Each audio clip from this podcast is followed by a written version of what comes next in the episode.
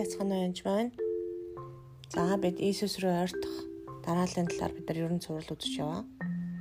Тэгээд дараагийн шат бол үнэхээр гимшлийн шат байгаа. Тэгээд бид нар залбирлын дараа даруугаар авчих тал яаж хэрхэн залбирах талаар даруус зүрстгэл юу талаар үзсэн байгаа. Тэгээд үзэж суралцж л байгаас.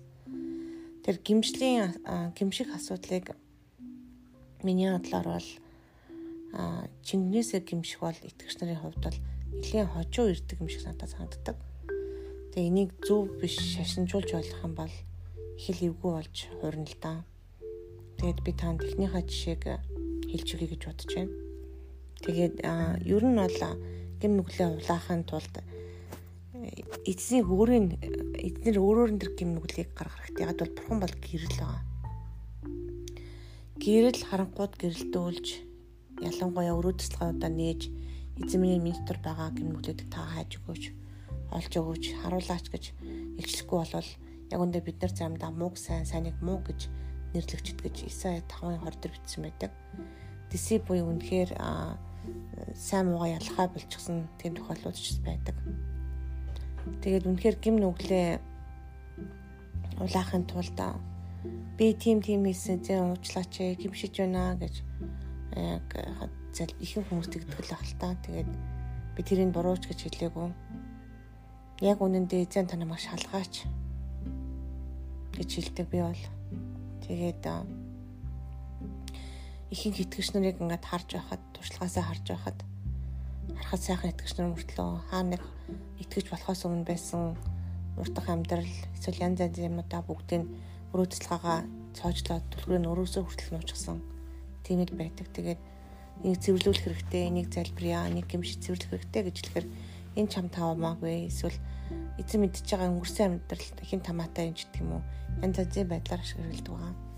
Бурхан үнэхээр цэвэрлэлтийн процесс явж байгаа бол та бүх өрөө туслага өв таалга хумн бүх юмудаа түн нээж оруулж энийг та цэвэрлж өгөөч ээ туслаач гэж хэлэх хэрэгтэй.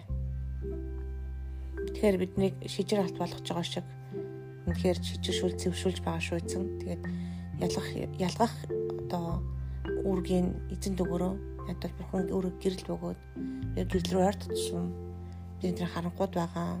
Эсвэл бид нар саарлан өнгөтэй бол тэр саарл нь цагаантай харьцуулахтай олонд гарч ирдэг ба. Тэгээ гимшлийн процесс буруу хэлснийг түүхийг хэлж өгөөд дараагийн подкастаар үргэлжлүүлэе гэж бодлоо. Аа нэгэн мундаг аав мундаг сайхан үнэтэй пастор хүн түүний хүүгийн тэгээ залуучдын цугтан дээр би орчуулах гэж таархулсан. Тэгээ гадаад хүн байх нь шүү дээ Монгол хүн хүн биш битгий санаа зовоороо.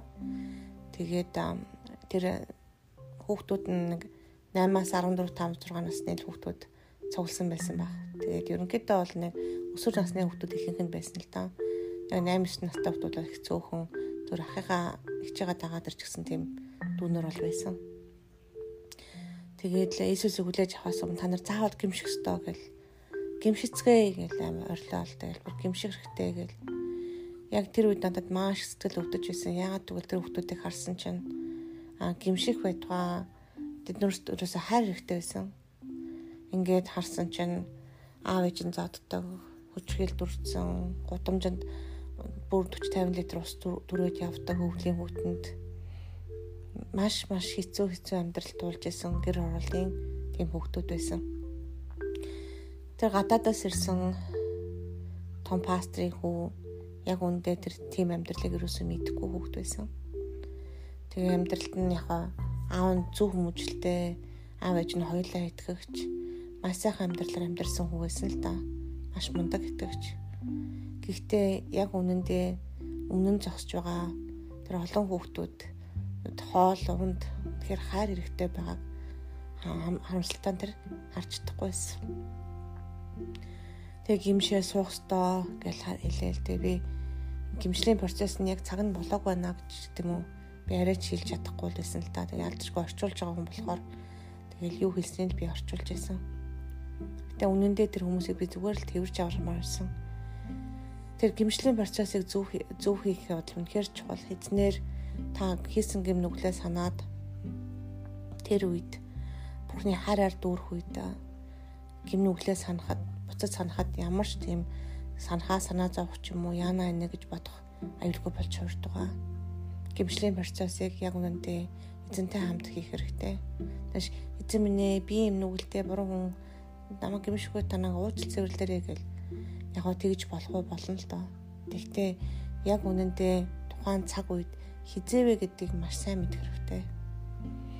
Тэгээ заримдаа хүнд хар хэрэгтэй цаг бас байдаг шүү. Ялангуяа тэр хүүхдүүдэд харахад бол гимшигтэхээс илүү тэр хүүхдүүдэд хар хэрэгтэй байсан. Үнээр хэцүү амьдрал дондор явж байгаа хүүхдүүд бас байсан шүү. Тэгэхээр гимшлийн процесс миний зүгээр бодлоор бол нэлээд хожуу итгэгчээр бол нэлээд өсөөд сүнсээр өсөөд ирсэн дараа жигнэсээ хүн гимшдэг байх гэж би боддог. Яг тэр гимших үедээ Үнэхээр эзэн харуулж өгдөг байгаа. За чи яг энд ийм юм хийсэн шүү гэд харуулад тэгээд өөрөө харуулсныхаа дараа эдгээд цэвэрлэж өгдөг байгаа. Ариун сүтг нь эзэн гэдгийг ерөөсөө мартаж болохгүй шүү. Тэгээд явах юм бол хамаагүй амар зөөлөн болж хувирна. Тэгэхээр би дахиад Исая намын ишлийг хэлж өгье. Бид нэр мууг сайн сайныг муу гэж нэрлэгчэд гэж нэгсэндөө ялах чадвараа заримдаа алдсан байдаг ерөөсөө мартаж болохгүй шүү. Тийм хүмүүсийг би нилээ мэднэ. Тийм учраас яг эзнэр өөрөөр нь яг түр миний гим нүгэл нь алин. Тэгээ шүүдг нь эзэн гэдэг ерөөсөө мартаж болохгүй шүү. Тэгээд эзэнтэй хамт зөвлөгөөг гимшлээ хийгээрэй. Баярлалаа.